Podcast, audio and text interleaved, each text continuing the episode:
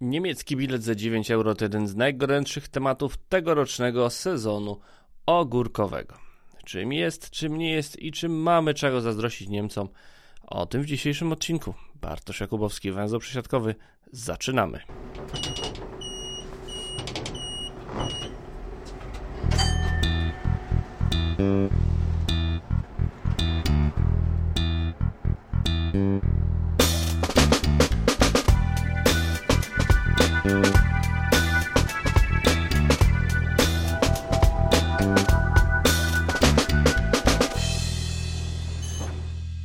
Nine Euro Ticket to specjalna oferta wprowadzona przez Bundestag i Bundesrat w maju tego roku.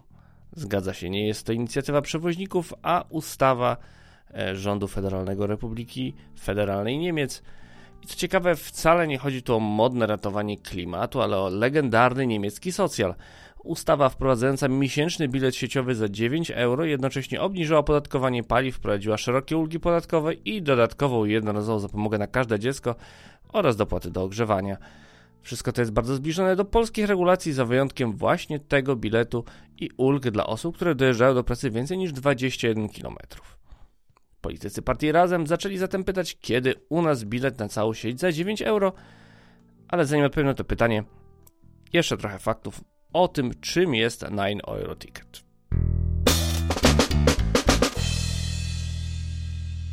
Jest to imienny bilet sieciowy na cały regionalny i lokalny transport publiczny w Niemczech. Oznacza to, że obowiązuje w całości transportu publicznego organizowanego przez niemieckie samorządy, a zatem wszelkiego rodzaju pociągach i autobusach komunikacji regionalnej i lokalnej. Nie skorzystamy zatem z pociągów Intercity, Intercity Express, Eurocity ani z Flixtrain oraz zielonych autobusów Flixa, a zatem w ogóle nie ma mowy o korzystaniu z transportu dalekobieżnego. I ten podział to, jak obowiązuje Nine Euro Ticket, odzwierciedla niemiecki system transportowy, w którym odpowiednika naszych pociągów kategorii TLK oraz Intercity niemal no, nie ma. Mamy tam albo pociągi regionalne, tudzież regionalne ekspresy, albo drogie pociągi dużych prędkości. Bilet za 9 euro jest ważny w konkretnym miesiącu, w czerwcu, lipcu albo w sierpniu, a zatem niezależnie od dnia zakupu będzie on ważny tylko do końca wybranego miesiąca. A promocyjna oferta kończy się wraz z końcem sierpnia. Już zapowiedzieli politycy rządzącej koalicji, że nie będzie przedłużona. Zatem, jeżeli chcielibyście z niej skorzystać, musicie to zrobić niezwłocznie. Jeżeli chcielibyście jechać z rowerem, no to za rower oczywiście musicie dodatkowo dopłacić.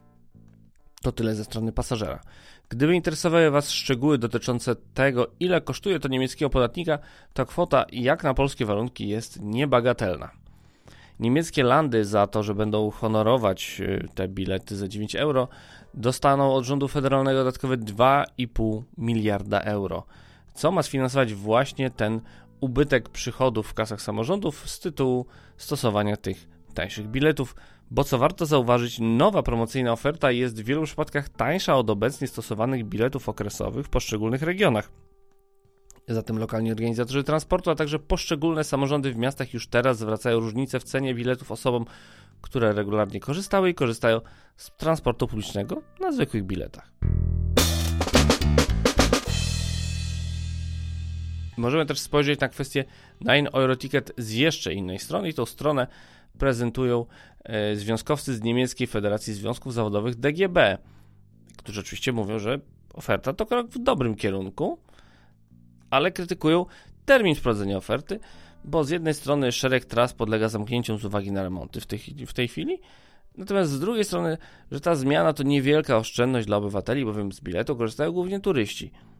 Za chwilę związkowcy jednak dodają, że w związku z tym, że teraz wyjazd na wakacje jest tańszy, przeciętny Niemiec może zaoszczędzić i wydać pieniądze na coś innego, co podsumowują słowami, że bilet za 9 euro sprawia, że życie jest trochę lepsze, przynajmniej na 3 miesiące.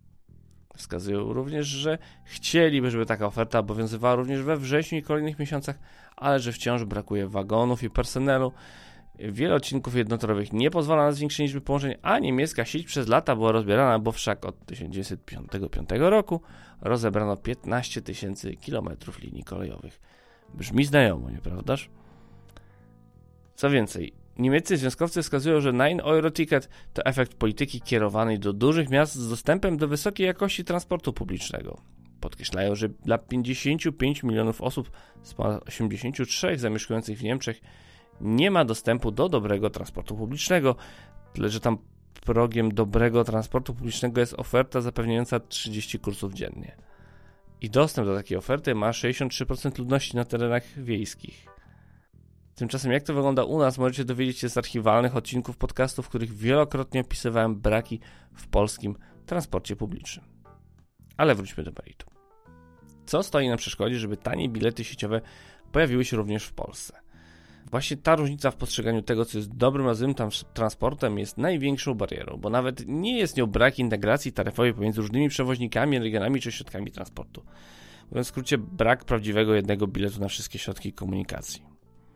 Bo notabene takowego w Niemczech e, również nie ma. Nine Ticket jest nakładką krajową na różne systemy, które oczywiście wewnątrz siebie są zdecydowanie lepiej zintegrowane e, i zorganizowane niż te, które mamy u nas ale to, co robi różnicę, e, to w zasadzie możliwość wprowadzenia takiego biletu są możliwości systemu transportowego. Na początek drobna przypominajka ze statystyk. Niemcy mają niemalże dwukrotnie większą gęstość zaludnienia niż Polska, a niemiecka kolej w 2019 roku, i tego roku będę używał jako rok referencyjny do wszystkich porównań, przewiozła prawie 9 razy więcej pasażerów niż koleje w Polsce.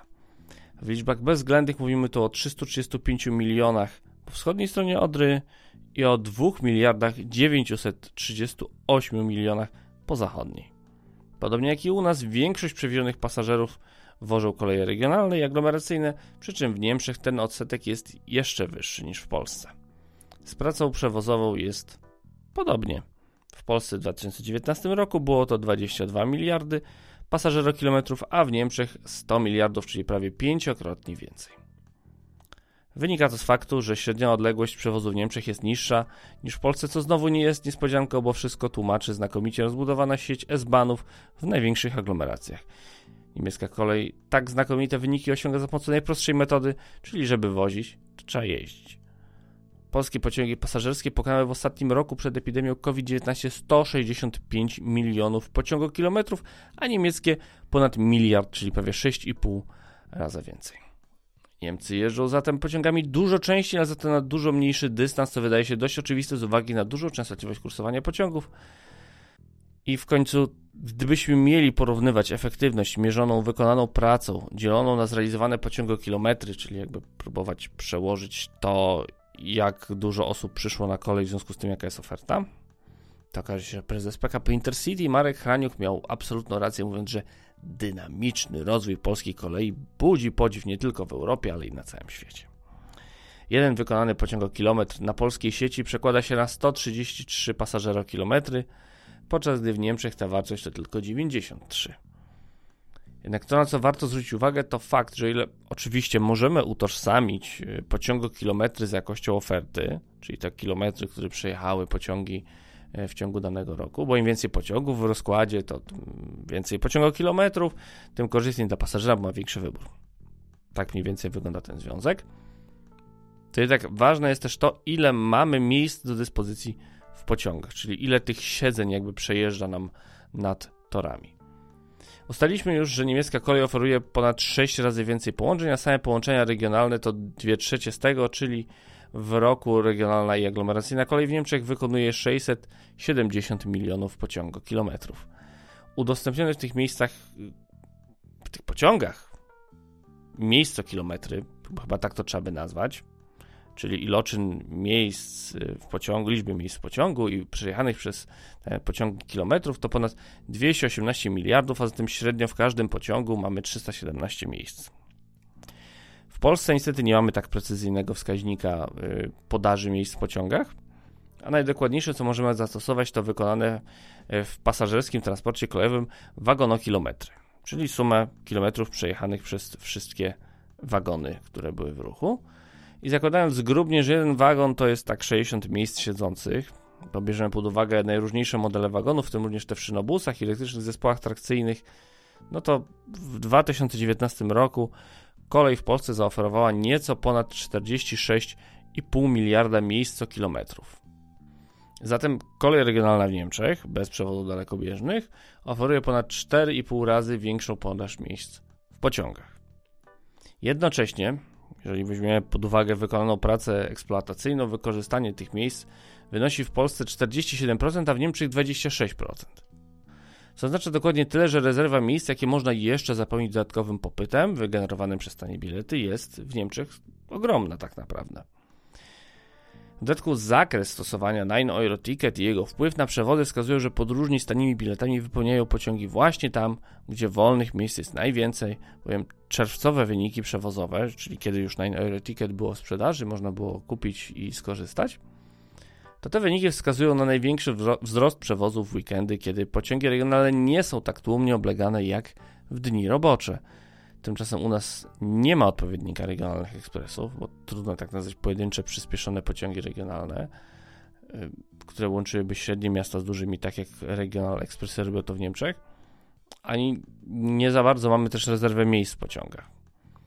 Istniejące połączenia międzyregionalne w ramach służby publicznej, czyli SUTO dofinansowane pociągi TLK i IC, w weekendy po prostu pękają szwach i możecie łatwo to sprawdzić, szukając biletów na wakacyjne, niedzielne popołudnia. W tych najpopularniejszych relacjach tych biletów od dawna nie ma, albo są to pojedyncze miejsca w najmniej korzystnych godzinach, albo tylko w najdroższych pociągach, ale to już nie jest służba publiczna, bo mówimy tutaj o ekspresach Intercity i pociągach Pendolino. Myślę, że w tej sytuacji można pokusić się o stwierdzenie, że kolej w Polsce już teraz nie jest w stanie obsłużyć zwiększonego popytu wynikającego z wysokich cen paliw. Półtora dekady ostrego cięcia i późniejsza polityka przecinania składów pociągów skutecznie obniżyły potencjał przewozowy polskiej kolei. I dopóki inwestycje w tabor i większą liczbę połączeń nie będą miały charakteru odtworzeniowego względem tego, co było 20 i więcej lat temu, tylko będą prorozwojowe i będą wpływać na to, że pociągów będzie więcej i będzie w nich więcej miejsc dostępnych, tak długo to my będziemy zazdrościć Niemcom takich biletów i takiej kolei, w której można podróżować za 9 euro przez cały miesiąc.